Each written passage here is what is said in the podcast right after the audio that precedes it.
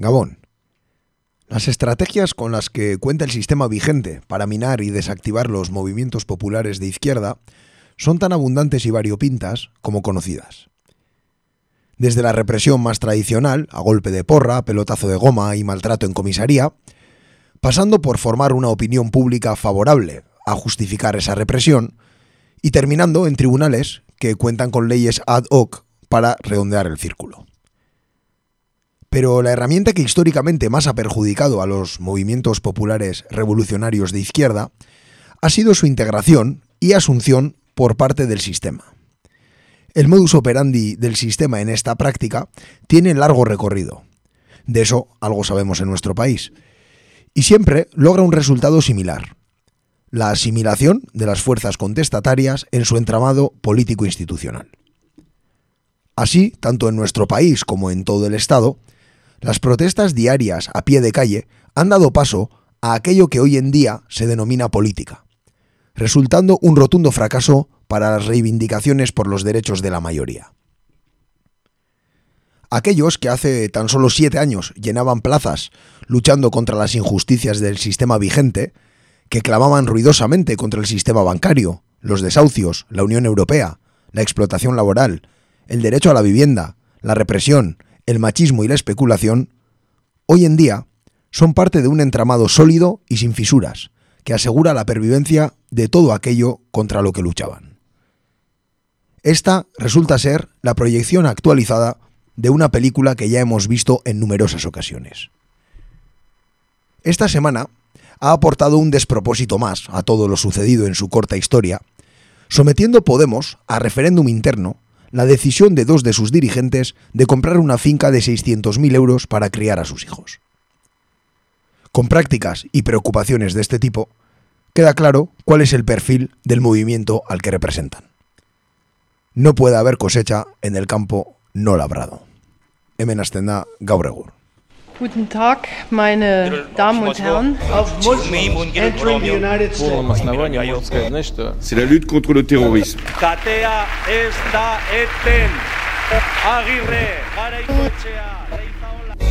Gaur egur. Gaur egur. Gaur egur. Jolasten eta enredando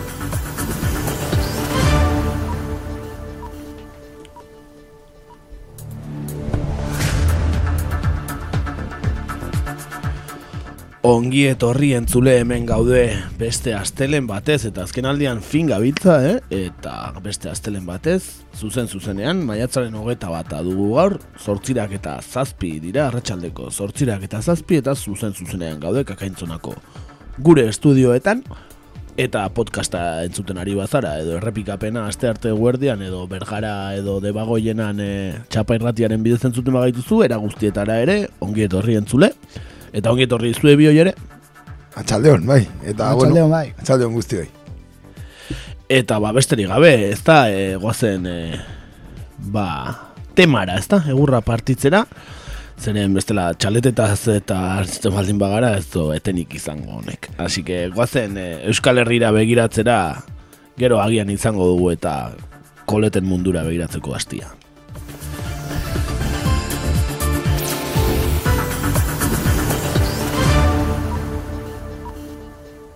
Bertan gaur.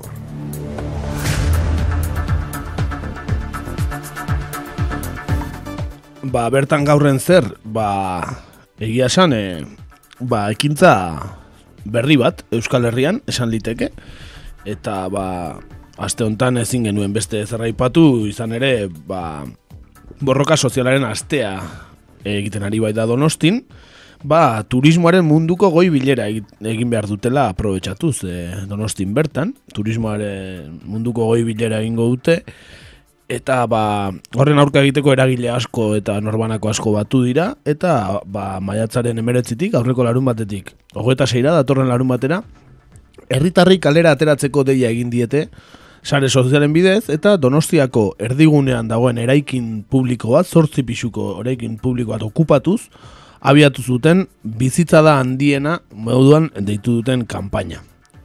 Eta ba, e, bertan bildu zirenen esan zutenenaren audio batzu ditugu, gazen lehenengo eta behin ba, arrazoiak entzutera. Bizitza da handiena kanpaina borroka sozialen aste hau, herri mugimendu eta sindikatu mordoaren indarren bateratze hau baliatuko dugu egunero egunero zapaltzen gaituzten horiei aurre egiteko, herri boterea eraikitzen jarraitzeko. Herritarron gehiengoaren aurka eta gutxiengo baten alde, inposatzen dizkiguten politika eta erabakiei aurre egiteko astea izango da hau. Horren adibidea da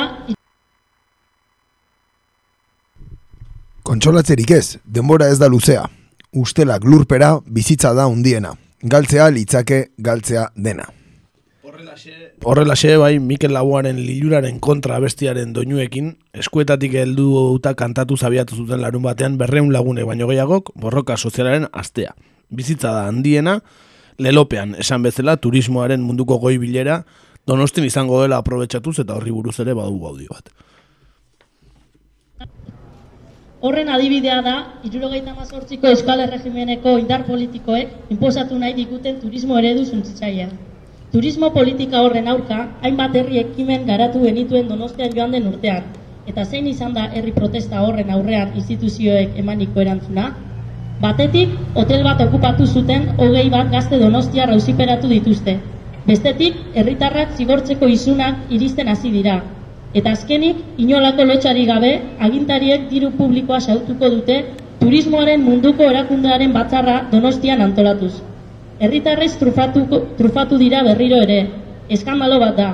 Nola ulertu horrelako jokabide ardura gabea donostian, hain justu turismoak itota duen gure irian? Desastre horren aurrean, herritar guztiei dei egiten diegu bizipoza hartu eta kalera ateratzeko, kalea guztionak direla ozen esateko, eta ez kameraz bete eta bertan aurrez baimenik eskatu gabe biltzen garenean polizia bidaltzen duzten instituzioetako jauntxoena. Esan bezala donostian izan zen, hiriburuko erdigunean, idiak ez kaleko seigarren zenbakiaren aurrean. Izan ere, e, eraikina hori okupatu e, zutela jakinara zuten larun bate guardian, eta lozakuak eramateko deia egin zieten ba, herritar guztiei, eta maiatzaren hogeita zazpirarte bertan geratzeko asmoa agertu zuten protestan partaidek, eta azken audio bat dugu basartu horretik esan zuten arekin. Aste oso bat ekimenez josiko dugu, kolorez jantziko dugu donostia, elkartasunetik, alaitasunetik eta herritik borrokatuz. Astebeteko kanpaldi bat egingo dugu horretarako, astebeteko kanpaldi bat abiatuko dugu. Eta herritar guztiak deitzen ditugu arratsaldero zazpiter, zazpiterdian egingo den asambladan parte hartzera. Etxean eta desanimatuta nahi gaituzten arren, kalea bizi-bizirik dago, bizi-bizirik gaude. Gainean, dazkagun hauek nahi ez badute ere. Irurogei herri mugimendu eta sindikatuk babesten dugu mugimendu hau. Beraz, instituzioei dei zuzen eta garbia egiten diegu. Herria gu gara eta antolatuta gaude. Gutako inori eraso egiten badiozue, gutako guztiok erasotuko gaituzue. Herria erasotuko duzue. Zuen bulegoetan herritarrak kontuan hartu gabe hartzen dituzuen erabakiak gure kontra doa zuzenean eta guk bulegoak baino plazak nahiago ditugu. Bizitza dugu aldarri eta horren alde egingo dugu gun gar, garbi diogu. Ez dugu violentzarik erabiliko, eta espero dugu boteretik ere ez erabiltzea. Lege eta politika injustuei aurre egiteko gure tresna de, gure tresnak desobedientzia zibila, kolaborazio eza, ekintza zuzena eta erresistentzia izango dira. Entzun dugu moduan herritarren gehiengoaren aurka eta gutxiengo baten alde inposatzen dizkiguten politikei eta erabakiei aurre egiteko astea izango da. Entzun dugu baita ere Donostia kolor jazten jazten hasi zirela goizuka marterdietan eta bulebarren ziren eh, biltzekoak ordu horretan bizipo hartu eta kalera ateratzeko esan zuten. Ile ordeekin agertu ziren batzuk, maskarekin eta sudur gorriekin beste batzuk, turutak eta banderolak eskuetan hartuta, kale jiran abiatu ziren Gipuzkoa plazarantz, eta handik metro gutxira sartu ziren okupatutako eraikinean.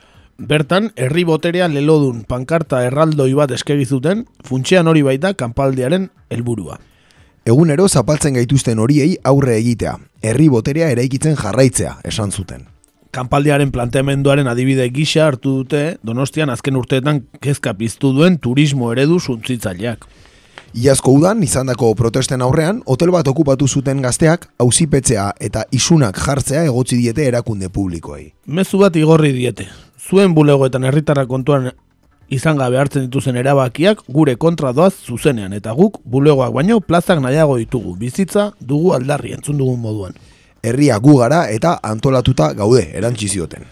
Baita ere entzun diegu irurogei mugimendu sozial eta sindikatu desberdinek babestu dutela borroka aste hau. Tartean daude auzo elkarteak, gazteak, feministak, pentsiodunak, antiespezistak, internazionalistak, kultura egitasmoak, ekologistak eta beste inbeste. Egunero, zazpiterdietan batzar bat egingo dute orantxe hortan hariko dira, baina horrez gain askotariko ekitaldiak prestatu dituzte hitzaldiak, protestak, bazkariak, jinkanak, tailerrak, denetik. Elkartasunetik, alaitasunetik eta herritik borroka egitera deitu zuten. Ez dugu violentzarik erabiliko eta espero dugu boteretik ere ez erabiltzea.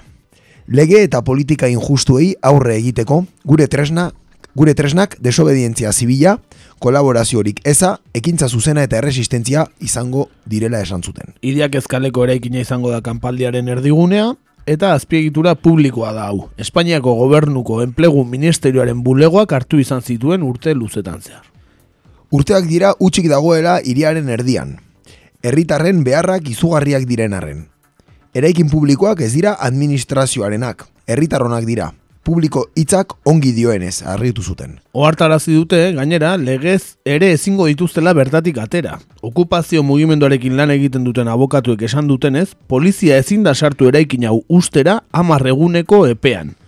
Beraz, gu zazpi egunez egongo garenez, argi jakinarazi nahi dugu, sartuko balira legea hautsiko luketela, benetan ondo ikasitako eh, planteamendua. Desde luego, preparazio handikoa, eh, ikusten da. Eh, esan bezala, bueno, eh, ba, larun batean, goizoko bederatzi terdiak aldera, agertu zen eh, polizia, eta, bueno, gozaldu ostean, eta bizitza da undienakeko, ba, bueno, kide bat identifikatu zuten. Uh Prozesu judiziala abiatuko dutela bera zarki geratu da, baina legearen arabera, esan bezala, aste osoan ezin dute okupatutako blokea ustera sartu. Garaipenatzat hartu dute bizitza da handienako kideek eh, kasu hau. Goizeko ekimenei hasiera eman zitzaien ondoren, amarretan uliarako martxa egin zen, eguzkik antolatuta. Hori da, hori izan zen atzokoa eta amaika terdietan ondoren, jaietan jai plataformak deituta martxa bat egin zuten donostiatik. Komertzu, komertzio eredu jasangarriago bat eskatut eta igandean irekita dauden dendak salatuz ibili ziren. Gero, amabi terdietan, satorralaiak deituta ageraldia egin zen eh, kontxan, metroaren pasantearen obrak salatzeko. Badaukagu horren audio ere, ba, konturatuko zareten bezala, ba, bakoitza kontolatzen zuen ekitaldi bat, ba, guzkik eh, bat, e, beste bat e, satorralaiak, jaietan jaiek beste bat, pentsio dunek gaur, bueno, ba, denetariko ekitaldia daude egunero, egunero. Entzun ezagun, ba, atzo kontxan egin zuten protestaren audio bat.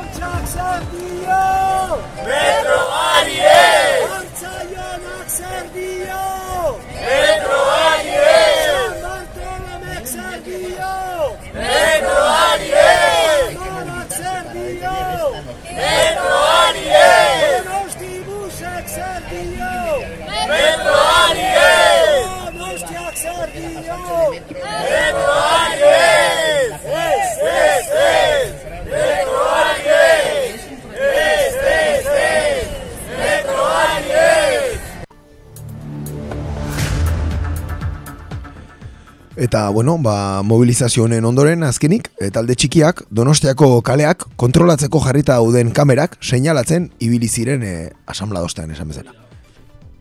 Hori da atzokoa eta gaur ere egin dituzte ekitaldiak, adibidez alderdi ederreko, ederreko pentsionisten asamblean parte hartu dute goizean, Arratxaldean berriz donostiako askegunean atxilotu zituztenekin tertulia antolatu dute, Eta, ba, esan bezala, indartxu hasi da bizitza handien astea, eta datozen egunak ere, ba, ekintzez josi dituzte, benetan informazio guztia nahi badezue, honena, ba, beraien e, sare sozialetako kontua jarraitzea da, bizitza da handien abilatu adibidez Twitterren, eta bertan eguneratzen ari dira informazioa une oro, une oro, eta bideoak eskegitzen, eta argazkiak, eta, bueno, ere jarraipen eh, mediatikoa egiten ari zaie, eta beretan, e, e ba, jarraipen ona. Eta eta e, aste osoko egitarau bat jarri dute, e, egunero berritzen eta eta osatzen joango dena, baina bueno, egitaldi esanguratsu batzu behintzat ekarri ditugu ba jakin ditzazuen. Bai, astean nola jungoan perfilatzeko, edo ideia bat egiteko behintzat. Hori da, adibidez, e, bihar seiterdietan urrezko kaiolarik ez e, donostiako akuariumaren aurkako konzentrazioa egingo dute antiespezistek. Hasta azken goizan, munduko turismoaren goibilerako partaidei gaizki etorria ingo zaia. Hori da, ongi etorria beharrean, gaizki etorria egingo zaia aste azken goizean. Ostegunean adibidez, feministak gudari planto elkarteratzea antolatu dute feministak soiterdietan, Ostegunean ere baina zazpiretan e, hotel gehiago ez, Santa Maria Elizaren aurrean egingo dute e, bueno, mobilizazio hau. Mhm. Eta ostiralean seiterritan, bertan bizi gara, bertan bizi nahi dugu e, manifestazioa. Pentsatzen dut ostirala txalde izan da, ja nahiko jendetsua izan liteken ekitaldia dela, ostiralean seiterdietan e, egingo dena. Duari gabe eta guztia borobiltzeko, balarun batean egun guztiko egitarau bat prestatu dute.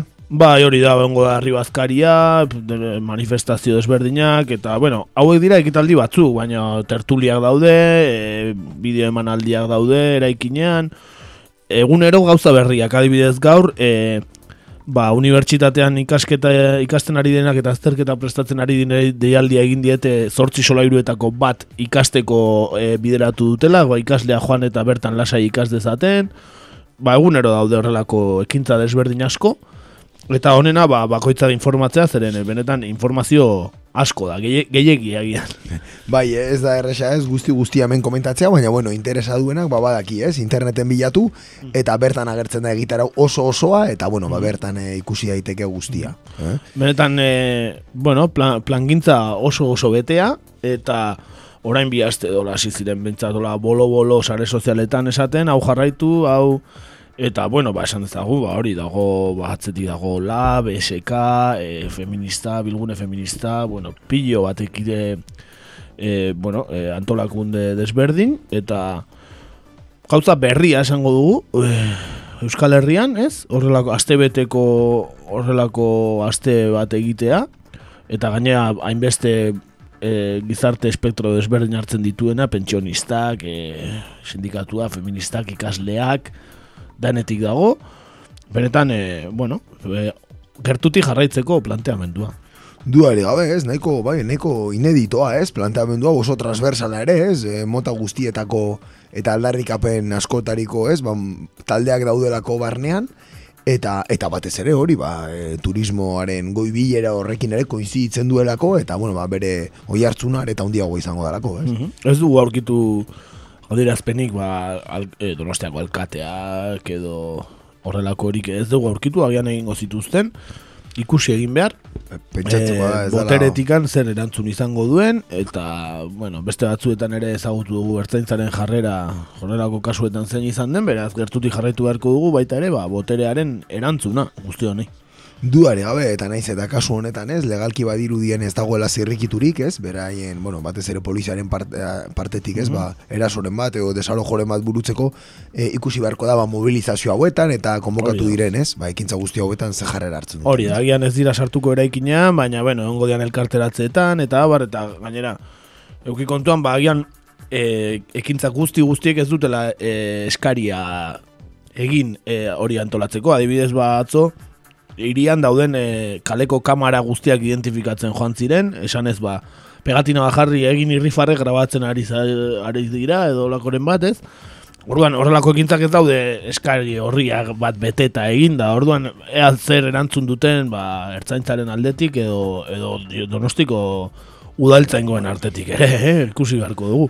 Duare gabe, ikusi beharko horre ze konsekuentzi edo ze, ez, ba, ze jarrera hartzen duten, ez? Mm. Multa administratiboak, edo norbait dauziperatzen duten, edo bueno, ikusi beharko, ez? Ze jarrera hartzen duten. Mm Bai, benetan ekimen interesgarria zeren gaina, e, fokatu ziteken bakarrik turismoan, ez? Baina ez, e, hori, hori egin beharrean hartu dute, ba, gizartean dauden e, reivindikazio desberdinak lotu eta lotu ba, bizi eredu batekin eta ba, no, imposatzen diguten edo orain e, orain daukagun sistema honek e, dauzkan ba, alde txar guzti horiek salatzen dituen guztiak batuz eta ez bakarrik turismoaren kontra joan ez baizik eta bueno, bizi eredu guzti bat e, zalantzan jarriz. Hori da, bai, bada, ez, sistemari kritika, ez, oso, bueno, ba, oso oso zen bat, ez? Eta, eta bueno, ba, ikusi beharko ere ba, gauza kantoratzeko modu hau ez, expanditzen den, beste hiri batzutan adibidez baduen bere oi hartzuna, edo replika bat ere gertatzen den beste hiri batzutan, Mhm. eta zerbait oikoa, edo, bueno, ba, gauzak egiteko beste modu bat, ez, adierazten duen, ikusi beharko, ez da? Bai, ea, ea, ea, zer, zertan dagoen, ea, datorren astean zer, zer esan dezakegun honi buruz, ea, astea pasako da, eta eta ea zenba gauza positibo uzten dituen, eta ea negatiboak e, uzten ez dituen. Eta, ba, besterik ez, gure partetikan, e, ba, kakaintzona irratitik, ba, atxikitzen garela mugimendura, Duari gabe. eta eta danak animatzen zaituztegu, ba, alba dezu ebentzat, ba, egun hauetan, ba, donostiatik pasa, zeren ia orduro, ia une oro, badago zeo zer, eta ba, buruan pentsatzen dugu, ba, oraindik eta potentegoa izango dela, pentsatzen dugu larun batean, ba, izango dela jende uholde bat, eta esaten genuen e, ertzaintzaren jarreraren arabera agian oraindik eta uholde handiago bat, Bai. segun ze gertatzen den. Bai, gauzakean nola doazen, baina ziur jende asko bilduko dela donostin, ez, ekimen honen inguruan, eta esan dakoa, jende animatzea, bertatik pasatzea, eta eta interesatzen zaizkion, ez, ba, txarlatan edo ekimenetan parte hartzea. Eh? Hori da. Esan bezala bizitza da handiena bezala e, de, e, eman diote izena mugimendu guztiari eta ba beti abesti bat ekartzen dugunez, e, ba, gaurkoan zein, ba, bueno, ba, abesti hortan oinarritu dira, beraz Mikel Laboak abesten duen liluraren kontra abestia bera, ba, bera jarriko dugu, horrekin hasi ziren atzo, hori abesten hasi ziren atzo ere, mugimenduko kideak, beraz, ba, hau izango da, esan dezagun, mugimendu honen, e, ba, ere serkia, edo, beraz, entzun dezagun, ba, Mikel Laboa, beste behin gure irratxa honetan.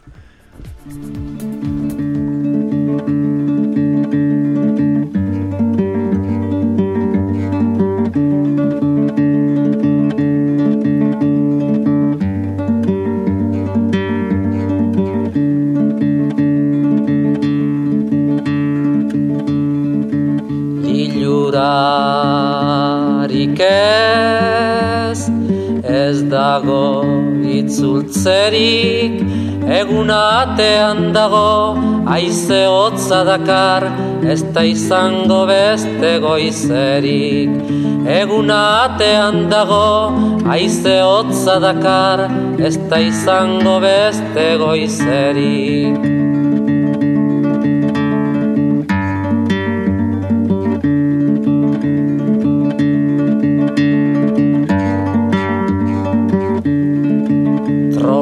Trompatzerik ez. Bizitza ez da uskeria Edan ase arte beretik Ez da aski izango galtzer zaudelarik. Edan ase arte beretik Ez da aski izango galtzer zaudelarik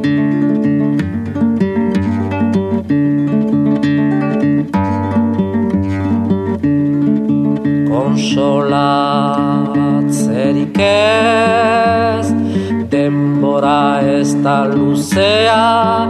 Ustelak lurpera bizitza daundiena Galtzea litzake galtzea dena. Ustelak lurpera bizitza daundiena Galtzea litzake galtzea dena. La la la la la la la la la la la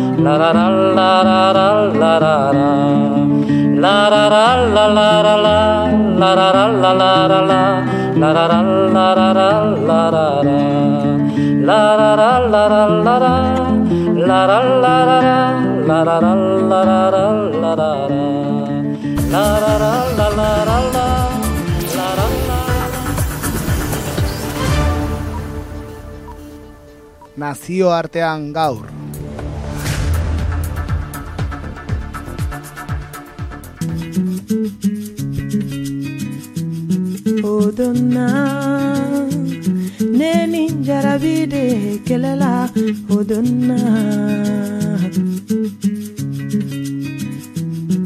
Odonna Neni furu kelela Odonna Ayi bangi bolola ne kanna Ayi bangi bolola kisɛla Ayi bangi bolola ne kunna banki ngolo doni nyala ne dusu kolobe dimina kune dumbe njara Bueno, pues la banda sonora suele ser bastante traicionera, ¿no? De a dónde nos dirigimos o de lo que vamos a hablar, ¿no? En la sección internacional. Yo creo que el continente habrán acertado cuál es los Yo diferentes. creo que sí. No, bueno, hay seis, no es, ¿eh? hay una probabilidad bastante alta, ¿no? Sí, no tenemos música de Antártida. Eso todavía, es, ¿no? o sea que se reduce al 20%, ¿no? Nada, hoy en Nació Artean Gaur, pues volvemos al continente africano para interesarnos por una de las lenguas indígenas que más se habla en ese continente y que seguramente para la mayoría pues sea algo exótico o un término desconocido, ¿no? Bastante desconocido. Nos suena el nombre a todos, ¿no? Por, bueno, porque algunas veces han dicho que igual se parece al euskera o bueno, pero ese en qué idioma habla ese, ¿no? Igual se utiliza el nombre, pero pero la verdad es que no sabemos mucho de él. Así es, ¿eh? esa lengua es el Kiswahili ¿m? y tiene al menos 100 millones de hablantes por todo el continente africano. Hoy nos vamos a acercar hasta Tanzania y Kenia para ver cuál es la situación de esta lengua y la de otras lenguas indígenas en un continente donde la colonización sigue teniendo consecuencias que también son culturales. Aclarar que el Kiswahili es la que nosotros solemos decir el Swahili, ¿no?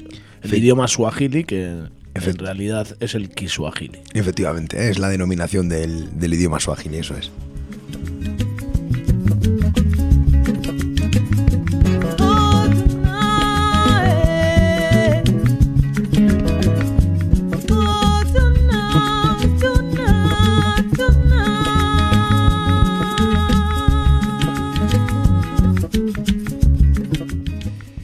El Kiswahili es la única lengua oficial internacional de África que realmente se considera una lengua indígena para el continente.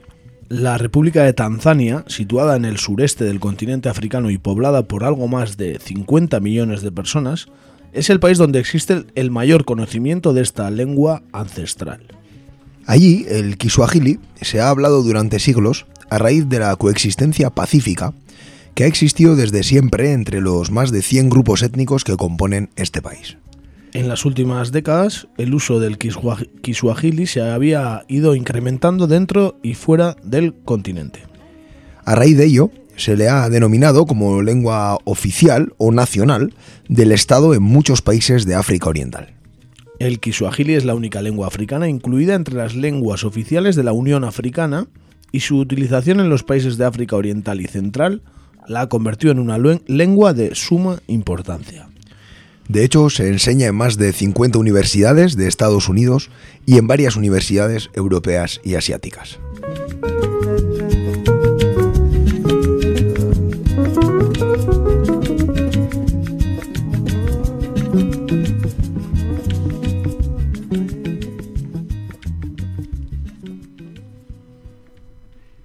A pesar de su enorme éxito, el Kiswahili está pasando últimamente por malos momentos en su propia casa. Es el caso de Kenia, segundo país con mayor cantidad de hablantes del mundo, donde el Kiswahili es utilizado como lengua de trabajo oficial junto al inglés.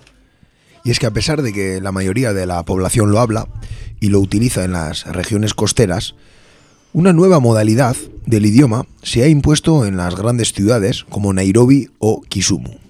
Esta nueva modalidad, conocida como el Sheng, es una mezcla entre el Kiswahili, el inglés y algunas lenguas locales usadas en su mayoría por los jóvenes keniatas y que se está expandiendo ya en el medio rural así como a otros países. A raíz de ello, la preocupación por aprender el Kiswahili ha caído en picado, ya que se está convirtiendo en una lengua para el contexto informal, imponiéndose de este modo el inglés en las enseñanzas académicas y hasta en las sesiones judiciales y parlamentarias.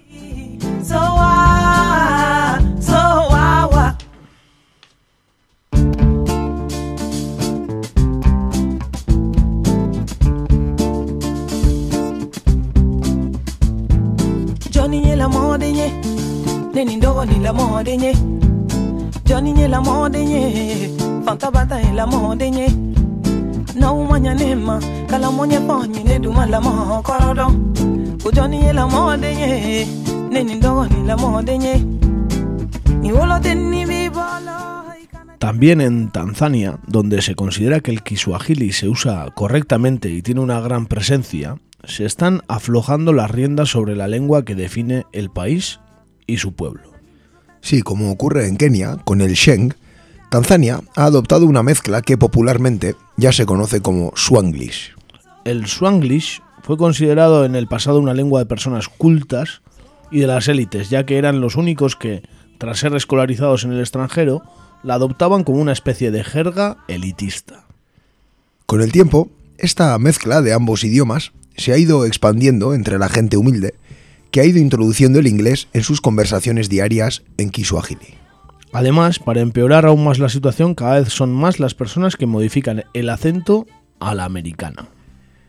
La creencia de que el uso del Swanglish presenta a las personas más inteligentes y cultas ha ido en aumento, dejando unas consecuencias nefastas. Y es que son muchas las personas que a día de hoy no pueden comunicarse de manera fluida en ninguno de los dos idiomas. Aunque el hecho de que el inglés es un enorme problema para Tanzania, es ampliamente aceptado dentro y fuera de sus fronteras. La pérdida del Kiswahili se sigue acelerando. La clave del abandono que está padeciendo el Kiswahili es la falta de necesidad diaria que tienen los y las tanzanas de utilizarlo.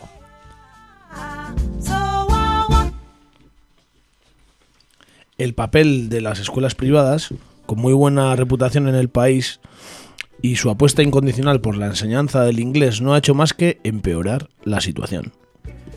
La constante creación de nuevas jergas entre los jóvenes y la influencia del inglés en estas también añaden un ingrediente más al peligro que corre el Kiswahili. A consecuencia de todo ello, resulta difícil escuchar a un joven hablar tres frases no, adulterar, no adulteradas en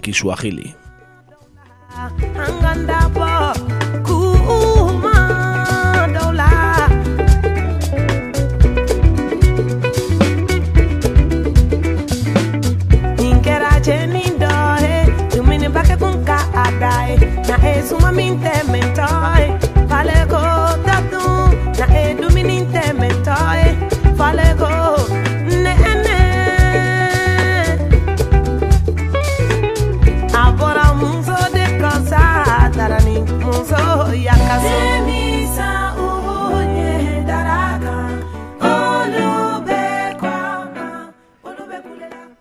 El papel de los medios de comunicación también está favoreciendo esta situación, ya que muchas personalidades de la televisión y la radio utilizan el swanglish en gran variedad de programas. Incluso los programas en los que se entrevistan a políticos o diferentes autoridades se desarrollan en swanglish, hecho que ejemplariza el uso del kiswahili adulterado. El sistema educativo tampoco está exento de responsabilidad en todo este asunto.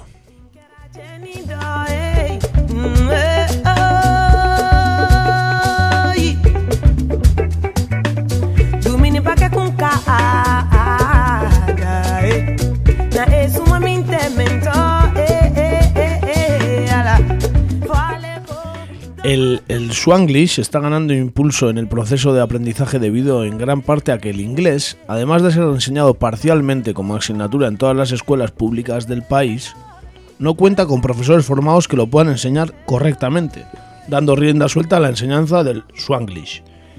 Sí, este cúmulo de situaciones hace que el Swanglish afecte a todo el mundo, desde los preescolares hasta los catedráticos de universidad.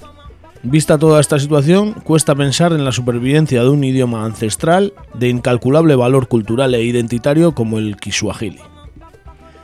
Sí, como conclusión podemos decir que la educación y los medios de comunicación tienen un poder fundamental para influir sobre las personas, pero también pueden ser un arma perfecta para asesinar una lengua y a los que la conservan.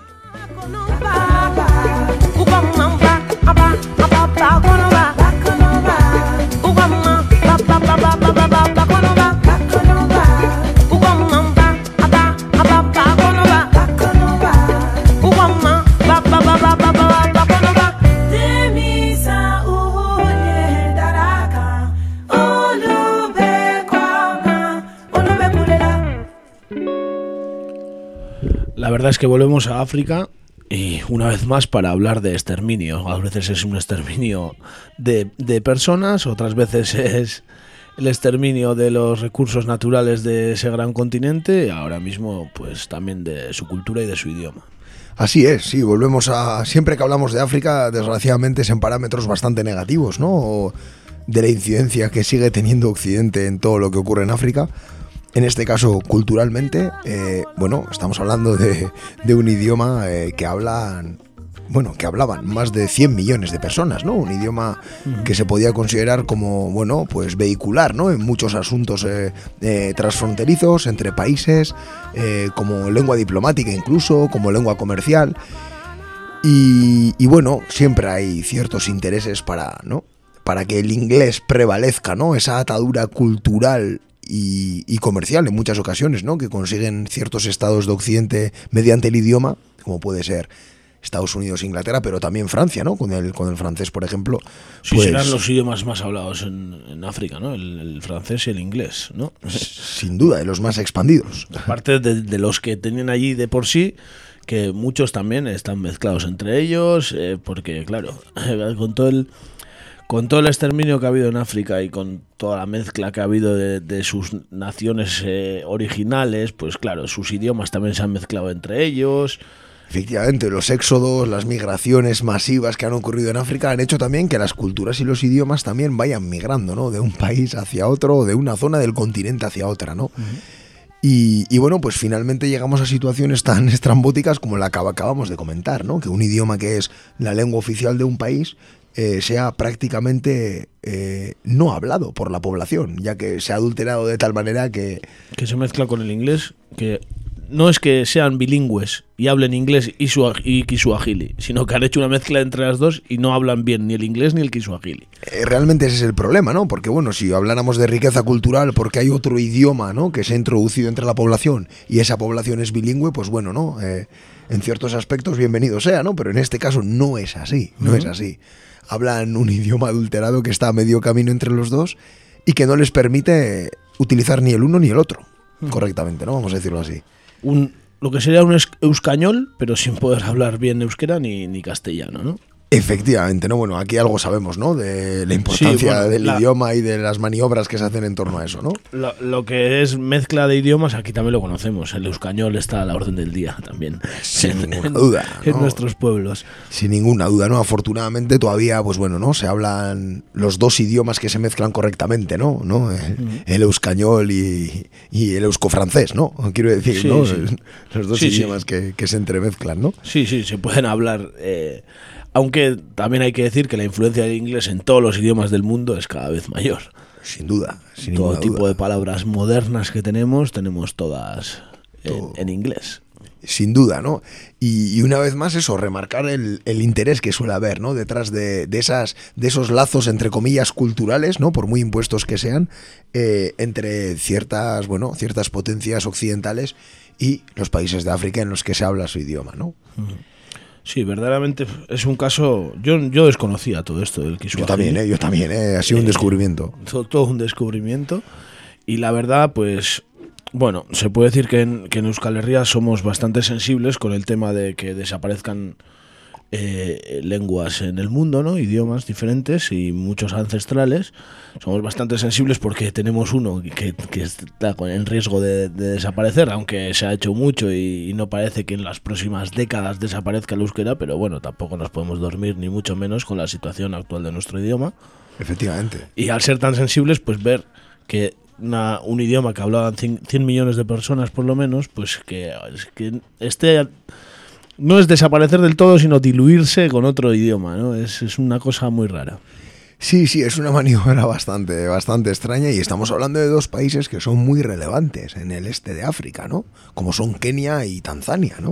Uh -huh. Son países que tienen una relevancia regional muy importante uh -huh. y, y, en los que ha ocurrido esto, ¿no? En los que de repente aparece un ministro hablando un idioma precocinado, por decirlo de alguna manera, ¿no? Y hasta ahí ha llegado, ¿no? La... Sí, los medios de comunicación y, y todo, ¿no? Y, y cada vez se consumen más medios de comunicación, cuando menos utilicen el, el, idioma verdaderamente propio, pues más se diluirá con el inglés, más palabras del inglés meterán y, y cada vez menos, menos kiswahili y más inglés será esa mezcla.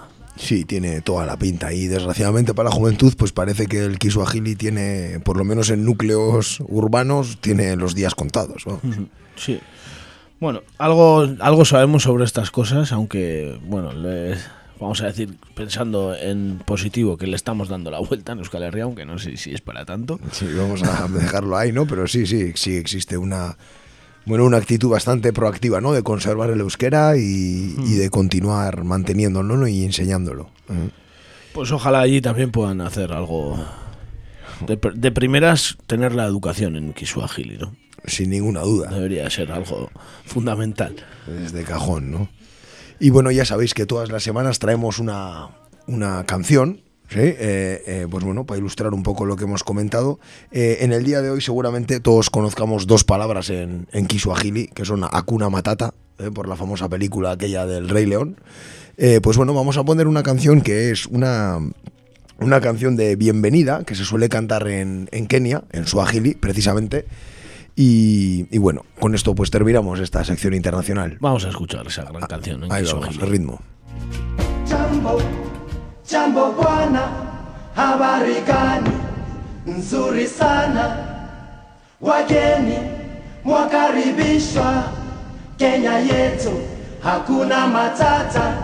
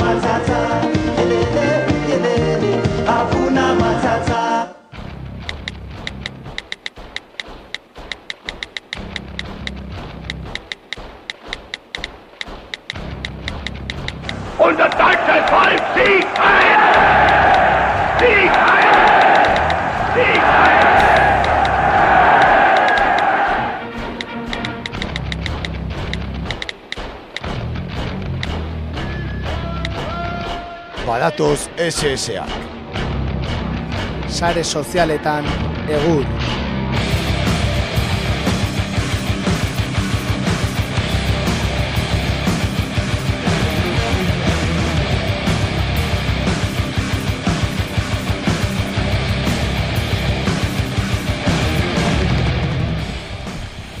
Beno, ba, sare sozialetan gaur, ba, izango dugu zer aipatzeko, ezta? Beti bezala.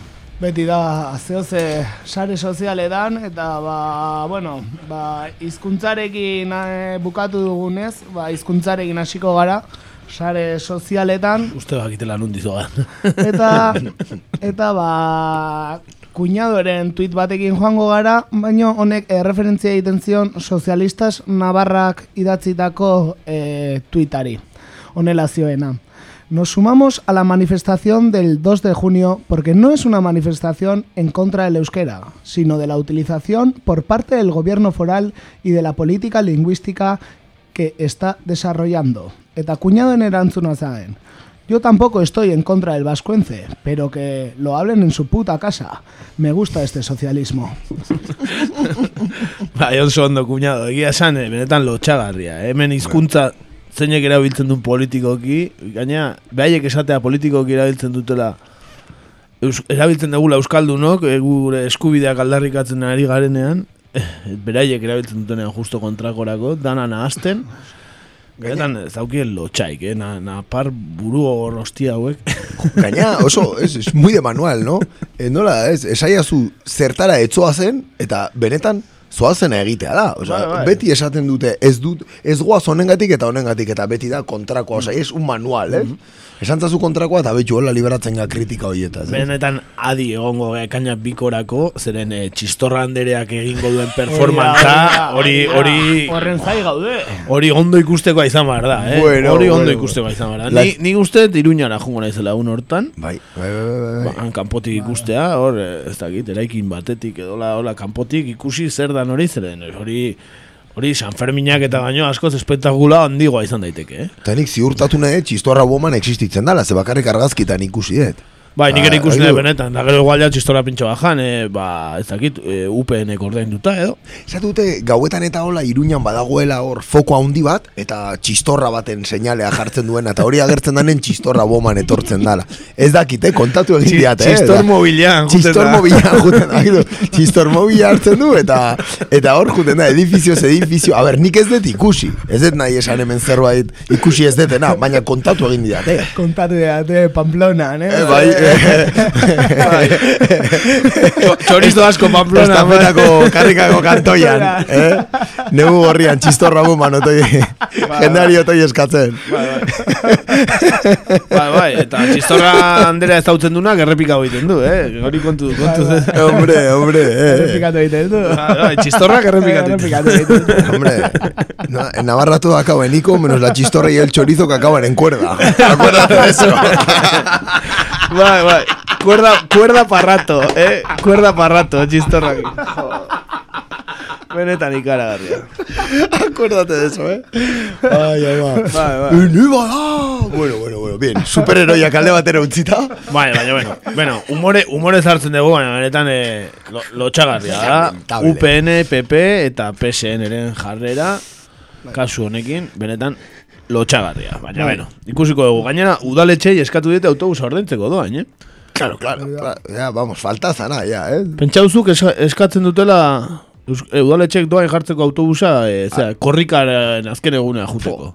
Bueno, Abertzen montatzen duen espainolistak. zer esanik ez, tal ja, altxasuko manifestazio batera juteko ja, bueno, eskandalo, vamos, mundiala. Bueno, ba hori, Bai. gero, gero arbizuko txistorra jango du. baina. Hantu dik ez izan. Tranquil lotxai. eh, moztu ingo dugu, porque eh, adierazpen askatasuna nahiko urria da, garai hauetan, eta hori ba, da. bai, Marina Lobok jartzen zuen bere tuitean, hay problemas con la libertad de expresión, porque se le ha quedado toda a Jiménez Los Santos. Así de claro. Horrela da, ez? Bai, bai, banatzea daka Federico. Laguna, guain zesan du, Katalunia bombardeatu daiketela, ez? Nahi baute. Bai, bai, badala garaia ja, Ja, abioia dakit zenbait badala. soldaude daudela, Katalunia hartzeko, ez dago lara inungo arazo hori. Ba, bai, eta bea iritsiko da hor. Por tierra y por mar. Hor, lehenengoa, hor, batalloieko lehenengoa, Federico, seguruna, jungoa. Ez dugu bere patatxularen historia gogoratuko, Ez, baina, ez, ez igual kerella jarriko igual. baina, baina bai, desde luego, pasatu zen eh, Mallorcan, ez, eh, alemanen kontrako atentatuak planteatzetik, ja, Barcelona ja bombardeatzera, ja. Bai, bueno, beti izan da bastante beligerantea, Federico, eh? Bai, es, es, el, es, es el Rambo de, de los medios de comunicación españoles. Bai, bai, bai, benetan, bueno, benetan, eh, nik, nik ez da galtzen egunero bere irratsaioa zati, benetan, eh. Eh? Ni hori hori ta hori ta jo gaitea iguala, lasai lasai guztena bere deklarazioekin, bueno, oso oso lasai. Falta zaio hasieran hori, nola da, el nodoko hau, eh, hau txori. Hoy ha llegado Federico Jiménez dos Santos. Edo ¿sabes? gure, gure sare sozialetako intro, hor, Hilder, hor, eh, buñaka, eh, hori ere ondo. Da, txuri beltzen, gizon hori txuri beltzen dago, bai, bai. Bai, ze pasa, benetan, eh? Baita, Herman Tertz hone egiten du, tipo, ne? Bai, bai, bai, bai, bai, bai, bai. Eta Eduardo Inda monagillo egiten du. Osea, monagillotan Paco Maruen da igual. Hostia, bai, bai, egia da. Nahiko planta hona daka, bai, bai, bai. Bai, egia bai, baina, bueno, benetan, eh, Federikorena... Gero, eta gero, eh, zera, Twitteroa kartzelara, adibidez, Al- Alfredo oratuko dugu, kartzelan dagoela oraindik, edo raperoa kartzelara, Letra, letra bat idaztagatik. Eta, jazta, Gora, eta beste honek goizero esaten dituen astakeri guztiekin, ez bakarrik kartzelara ez, baizik eta diru on bat kobratzen, eta botere dun guztien oso lagun. Bai, bai, eta patrozinioekin. Bai, bai, bai, ez da galtzen. Lotxagarria. Bueno, ba, ba jarraituz, ba, e, Santi Leonekin joango gana, honek, ba, aurre, ba, populismo eta nazionalismari ba, aurre egiteko asmoz, ba, jendeak e, ciudadanos hautatu nahi duela ikusita, ba, ba, moda horri jarraiki, mufin handi bat hartu du, eta oraintxe, oraintxe, eta ba, metzeko asmoz, gelditu da, bai. Bai, ez? Jamar du. bai, eh, logika berdinakin, ba, hori da, ez? Ba, ba argaldu nahi dut, ba, jango dut, ba, bi kilogo txuleta, ba, berdina. Nazionalismoen kontra joateko ciudadanos bozkatuko. Ciudadanos, Ciudad Mufin, eh? Ciudad Mufin, Ciudad Mufin. Jaia.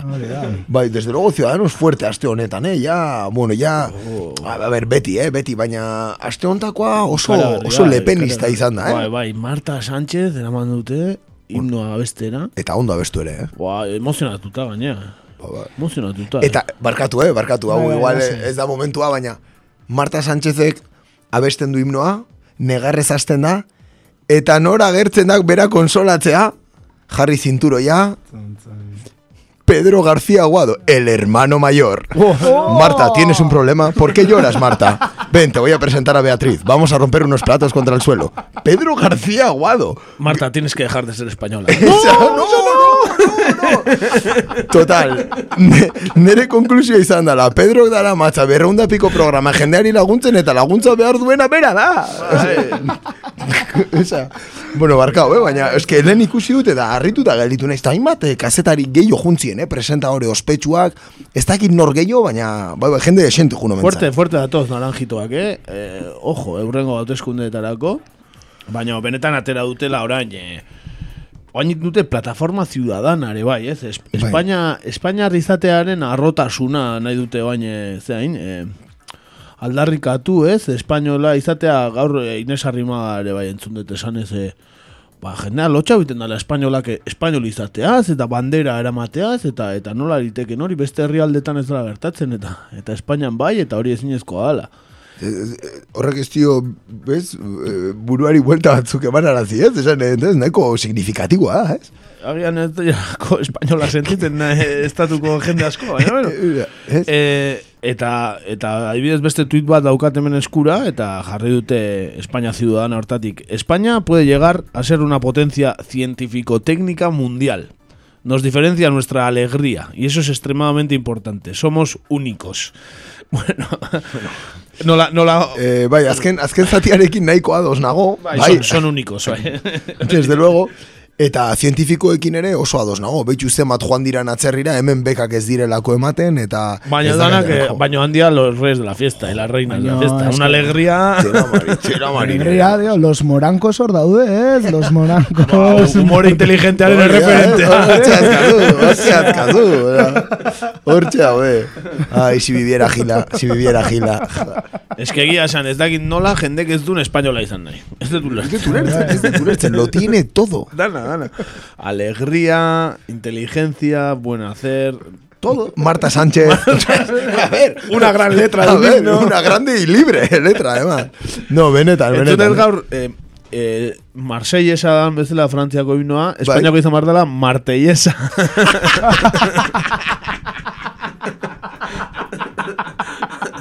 Hor himno. Bai, bai, ahí está, eh, la martellesa. La martellesa, no iba da. Bueno, bueno, bueno. Jarraitu ezagun bueno. de, deforestazio Esan, honekin. esan dezagun, eh, Espainiako himnoak letra aspaldi daukala, ez ofiziala, eh? Ja, ja. Eta culo blanco, eta lago con Ariel, eta bueno. Bai. Aspa, aspalditi daukala. En el capítulo Campeones Populares. Beste batera gutziko. Hori da, eta, joe. Bueno, es, Euskal Herrira etorriko gara, ezkerra bertzalearen a, lema berriari, ba, tweet txio berezi bat egin du, ba, beranduegik. Honela dioena, baietza sortzen leloarekin ezkerra bertzaleak jada erabili ditu izarren hautsa kanta guztiak. Desde luego ya ez da hautsa gelditzen. Kantako, ja, esaldi guztik erabili ditu, ja, eslogan gehiago ez dauzka, ez? Ez dauzka, ez dauzka, bukatu da. Abesti hori etzan interminablea. Ezin da... Ja, esan, bai, eh, baietza sortzen, zenba gehiago izan ditu horrenak, eh, Pillo, ah. ezaren guda, Ezaren guda, da- ernai, bai, ernai, bai, bai. bera, ez, aika segi, eh, denetari dago, eh? Bai, bai. Nikaraguaren munduko, ez? Bai, bueno, berez saber leterena, eh? Ah, barkatu, barkatu, letra, egia, egia, egia, arrazoia, arrazoia. Uste te jotako kontzegala izan zela, baina, saber letra, así que... Bueno, prestamo da ditzen zaio, ez? Prestamo da ditzen zaio. Ba, besta estia letrosuna... Ez da izango ea jotara gerturatzearen kontua, eh? Ba, bueno, alda- aldatu barro da, ba, letra oso man, nugu gorriak, ok, oker dabiltza. Bai, bai. Bai, kriston letra gara, eh? Hor ere badakatu nundik hartu, eh? Oso letra sakona eta luzea, eh? Oso sakona eta luzea, betxo, aukeran igual, eh? Aukeratzea kate. Baina, sample hon badauka eh, Arzaius jaunarena, eh? Sin duda, sin duda. Horre, bere, beste, eh, a modo de propuesta musical y cultural, eh? Hola, hola, eh? Eh, Oker gabiltza besteak, ez? Izango, ez oker está aquí, está aquí. Eh, eh, a ver, a ver, a ver. Ni ez naiz hemen interpretatzeko gai, eh? O sea, a ver. Bueno, ba, prestamoak aipatu dituzuela, PNV aipatu duzuela, ba, el correo egunkariak eh, aste honetan, ba, Aitor Esteban PNV-ko eh, jaunari, ba, eh, idazten zion, eh, Aitor Esteban PNV tiene un tiene pendiente un préstamo de 270.000 euros y declara dos viviendas y un corral. Eta Aitor Esteban erantzuna eh, el correo. Mi deuda actual es de 10.571 euros, de un crédito de 18.000. Ah, por cierto, el correo. El tractor no lo he declarado porque aún no porque aunque lo tengo aparcado junto al corral, no es mío, lo suelo alquilar para la cosecha, es decir, cuando se tramitan los presupuestos. Toma ahí, frase rebuscada, eh? Claro, baina ulertzen dugu, Baina, ze, badauka gordun korral o ez dauka korral? ok, korral, ez dakit, ez dakit. Bo- bo- Boaz de un korral. Voy a hacer un korral, eh? Nola zan? O, o, o, Pa. Opa, opa, voy a hacer un korral. Hori da, hori da, hori da. Korral. Claro, orain ulertzen ari naiz du, de... Eh, si quieres... ¿No? ¿Cómo era? Si quieres eh, de... Si, quieres... ¿Cómo era? Si quieres grano Aitor, te dejaré mi tractor, ¿o es? Sancho. Mariano, Mariano menos paja- sabía Mariano, menos paja y más grano, Sancho. Da, Si ¿no? quieres grano, Aitor, te dejaré mi tractor, sabiendo que Aitor tenía un tractor que no había declarado en su patrimonio, claro. Claro, Mariano claro. no anda con Y hostia. que tiene un corral, nik ez dut ikusten Aitor Esteban, hor, o, o arrautza biltzen egunero. Hola, egia esan, eh? Zait iruditzen, eh? Dakit ze, ze tipo de corral eukiko du, baina... Nik batez ere ez dit ikusten txandalet, baina bueno, eh, komentako dugu, eh, da, beti trajes ikustezun pertsona, ez da? Eta aipatu, diru faltarik ez duela izango, ez berak ez bere emaztea den itxaso atutxan, Eia, zeren eh, familia honekoak dira, eh, hola, zean, negurin, hola, etxe txikitxo bat izaten duten dira. Txaleto, txaleten bat piztinarekin neguri partean. Ez, ez da, eta traktorea, eta traktorea. Ojo, ojo, traktorea. Negurin danak traktoren mehiltzen dira. Hostia, eh, Aitor Esteban el correo hori egurra emateko hor, eh, gogor aritua, eh? Bai, bai, eh, bekarioren bat izango zen. Otro más en el paro. Hori, hori da. Ahí está. Bueno, Gehiago? Ba, ba, amaitzeko, ba, korraletik txaletera pasatuko gara, Bai, beste istilu handi bat, Podemosen munduaren barnean, ez? Eta, ba, ziklo iturgaizek, ba, azken momentuko txio onau bildu dugu, eta, ba, honela dio. Ojalá las bases de Podemos votando si es ético, una silla de última generación para Echenique. Joder, es que bai, desde luego falta zaiera hori da, eh? Osa, ya, ez, jo, ez dakit nora iritsiko dan, ez? E, disparatea, ez? Baina ez dakit, hain gaizki indaizken gauzak e, alderdi berri batek esan dezagun, ez? Komila artean, ez? Hasi zian, e, monederorena, Desastre. Dimititu intzun, e, etxenike honeke bai, zo zeukizun, beha zaintzen zuen... E, Era asistentearekin, bai, ez? bai. Pertsonarekin, edo. Bai, bai. Zola pagatzen... E, zakit, e, be- Beltzen pagatzen ziola, ez? Horako asunto bat. Beste bat, espinar, beste bat ere ontzan, ez? Etxe bat... E, Pisu baten kontuarekin. Enun bere aita black, eh, black charteletak eh, sartuta Paiketan zeon. bai, oza, egia ere, egur asko eman dietela, ez? Gauza asko atera dituztela, baina hor, hortaz egin duten gestioa nahiko tamalgarri izan da, ez? Osea, Ba, hombre, orain... Eh, Txaletaren aia, bueno. iritzia ematea, beraien basei, haber, eh, haber txaleta erosiko duten edo ez. Ez, bere, bere base guztia da, be, beraien, eh, zera, eh, asesorea, ez? Bizi, bizi, etxe bizitza asesorea, ez? Da, bai. be- beraien... Osea, hor bat esango jo, bai, baina piztina ez, beste... Hombre, hombre, gero enmiendas hay, enmiendas parciales, ¿sabes? Hay. Eta urrengo hilabetean errejón, quiero pintar mi habitación de verde. Vamos a consultar las bases. Vamos a... ¿Verde o amarillo? La peña votando, pum, pum, ¿Capas pum. de pasta o...? ¿Eh? Es que, jo, benetan, eh? Benetan. Ba. Fua, ez, ez, ez, ez da, ridikuloa da, ridikuloa da. Osea, egoera ridikulo bat, gainera jakindan ikusteet, obviamente, hau guzti hau aterako zela, ez? Hombre, es que ez baldin bazekiten hori, eh, es que ya ez dakit bizidean. Ah, Seiro milako etxe bat erosten dute Podemoseko eh, bi buruzagiek, ba, bueno, obviamente, bueno, jende asko dago interesatuta hori kaleratzen, eta eta behaiek bakandeleron ipintzeko, ez? Orduan, gainera, zer eta e, beraien, e, beraien seme ala horiek edo e, izan dezaten ezkuntza gatikan esaten dute, ez? Ezkuntza hobe bat izan dezaten.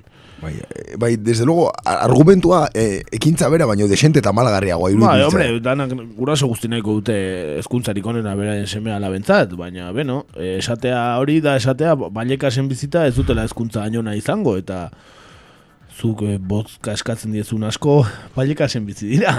Eh, eta ez dauzkate medioak, zuk planteatzen dezun eredu hori mantentzeko, ez? Orduan, Bueno, desde luego nik uste deno, deno gelditu garela pixka tarrituta kontu honekin, eta nahiko tamalgarria eta gestio oso txarreko iruditu zaigula, vamos. Bai, Espainola alegrenek pentsatzen zuten Venezuelako embajada izango zela Madriden. Baliteke, Maduro piztina gabe ez da etortzen enbajadatara, hori argi euki. Bromarik ez, bromarik ez. Ba, por cierto, irabazin dula berri hauteskundeak, eh, baino, Hori da. Bai, baina- baino parte hartze gutxi eta eta eta manipulatuak eta bueno, bakigu esan duten medio guztiek, eh? Ez du ez du garaipen eh sa, zera bat izan, zorroz bat izan, ez? Eh, hola handi bat. Baina, bueno, uneko berrota sortzea bozkatu duela eta esaten ari dira hori ezin dira hauteskundeak izan eta Txileko presidentea denak uneko berrota sei bozkatu zuen hauteskunde horietan, así que... Horra Baina hor- hori demokrazia da. Zer esanik ez, hauteskunde europearretan euneko berrogeita batak parte hartzen duenean, ez da keja hundirik egoten. Ez ez, baina beno, ba horixe. Hementxe, ez da. Bai, e, besterik ez, Pablo eta Ireneren aferarekin ez da gitzu zen gehiago. Akaso abesti bat ateratzea, baina bueno, denbora bat beharko dugu agian, eta ez, bueno, ba, horruztan dugu, ez? bai, horire, horire egingo dugu. Bueno, ba, bai. Ba, Podemosekoak, benetan, e, uste, honek min gehiago amar dela, oin hartzeko kaka guzti baino. Eh? Duari gabe, duari gabe, bai, bai, bai, oso, bai, bai, oso irudi kaskarra gelditzen da, eta, eta gainera oso ridikula, ez? Iruditu zait oso gestio txarrekoa guztia, desde luego. Bueno, ba, hori, eh, eredua ematen Podemoseko politikariak, marengoan ere. Desde luego. Por cierto, txiba oso ona, eh? Txenikek merezi du beste aulki azken, Bai, bai. azken eh, ez, eh, belaunaldiko hola, ba, aulki handiotako bat, bat, ba, txistorra mobil bat izango litzateke Zergaitik ez, zergaitik ez. Txistorra handerera bueltatu. Berak ondo aki nola trukatu, gauza Hori horiek. Hori da, hori da. Ondo, ondo trukatuta, trukatutako zila bat, eh, benetan azkar joateko M30tik. Hori da. Saskibaloi selekzioan jolasteko. baita, baita. Eh, hori da. jo, eh. Hori da, saskibaloian ere ondo jokatzen dute paralimpikoetan, eh, Espainiar. Hogeita bitik bi, bi besterik etzien kondizioetan, no? Baina, bueno, en fin. Ba hori xe, ba, ba gure bartetik besterik ez, azken abestia daukagula, ezta? Hori da, baltoniken abesti batekin, emango diogu amaiera, eh, aste honetan, uste du dela e, e, kartzelareko agindua dauka aste honetan, eta ba, bere azken abestietako bat ekarri, gu, ekarri dugu, pido perdón porque he comprendido e, izenarekin, eta bane, ba, guzti honen, ba, ba, bere abesti bat, ez, bere kritika bere abesti bat, ekarri dugu, amaitzeko. Ba, gure partetik besterik ez, besarka handi bat baltonikei, kartzelara doala e, abesti bat idazteagatik. E, gainera zer eta errege, erregearen eta eta borboien aurka. Eta besterik ez, datorren astean ere puntual puntualen hemen, izango gaitu zuela. Eta denboraldiko azkeneko erratsaioak direla hauek, beraz, e, adi entzun, entzule. Hori da, gutxiko ditzen zaigu, baina, bueno, bertan jarraituko dugu urrengo astetan ere, beraz, hoxe, urrengo astelen entzungo gara. Mila esker horregotegatik eta datorren astera arte. Gaiztok izan. Bueno, yo quiero pedir perdón porque He comprendido que me siento más vivo que nunca, soy más temido. Un fusil activo apuntando a la nuca, yo escribo para aliviar dolor, la voz que nunca escuchas. El pueblo nace del amor y muerte con la lucha. He comprendido que me siento más vivo que nunca, soy más temido. Un fusil activo apuntando a la nuca, yo escribo para aliviar dolor, la voz que nunca escuchas. El pueblo nace del amor y muere con la lucha. Siempre lo dije, que jamás de mi boca saldría decirles perdón o cualquier sinónimo a rendirme. Soy temible, el más libre, desprendiéndome del miedo a morir solo por el fin del eterno nombre como Aquiles. Uno entre quince, un gato entre tigres, ve que tengo miles de misiles apuntando a su majestad. Que más de la mitad del pueblo me dio potestad para acabar con su estirpe. Justice dile. Esperan que el plan active para levantar el puño cuando grite que el sistema gripe mientras privilegios se derriten y ricos acaban escondidos en el Tíbet porque jugar con techos y derechos les parecía liber. Miles de peces destrozando sus redes. Vamos a atacarlo donde el mal les duele. Sus mansiones son hogares para la plebe y ellos picando roca 24 horas mientras He llueve. comprendido que me siento más vivo que nunca, soy más temido. Un fusil activo apuntando a la nuca, yo escribo para aliviar dolor, la voz que nunca escuchas. El pueblo nace del amor muerte con la lucha. He comprendido que me siento más vivo que nunca, soy más temido. Un fusil activo apuntando a la nuca, yo escribo para aliviar dolor, la voz que nunca escuchas. El pueblo nace del amor y muere con la lucha. Entro con la cabeza alta, Krav Maga, fiscal que esperes que haga, mi garganta es lucha armada, emisor de los rebeldes, no verdades edulcoradas, me levanto y hago gárgara, disparo pa' sus portadas. El que hace la paga, corre la sangre, buscamos culpables, desahucios y corte de luz en casa de nuestras hermanas, factura rápida, días lentos y madres desesperadas, no preocupados por atentado ni bombas, con miedo bajo nómina de que las llama zorra. De esos mensajes van cargadas las teles, miedo a perder el curro, no de que estallen cuarteles. Obvio que quien planta odio, quien juega y se aprovecha de nuestro sudor solo por su puto beneficio propio. Quienes hicieron de la justicia un negocio, nos lo esconden todo, nos tratan como tontos. He comprendido que me siento más vivo que nunca, soy más temido. Un fusil activo apuntando a la nuca, yo escribo para aliviar dolor, la voz que nunca escuchas. El pueblo nace del amor y muerte con la lucha. He comprendido que me siento más vivo que nunca, soy más temido. Un fusil activo apuntando a la nuca, yo lo escribo para aliviar dolor, la voz que nunca escuchas. El pueblo nace del amor y muere con la lucha. Bueno, yo quiero pedir perdón por según qué, qué expresiones he hecho machistas. Yo solo quería atacar a según qué mujeres por su condición ideológica y de clase y no por su condición de mujer, pero aún así pido perdón. Y luego también quería pedir disculpas a las ratas y a los cerdos por haberlos comparado con según qué políticos y poderosos de este estado. Es obvio que ni la rata ni los cerdos están a tan baja altura. Lo siento mucho y no volverá.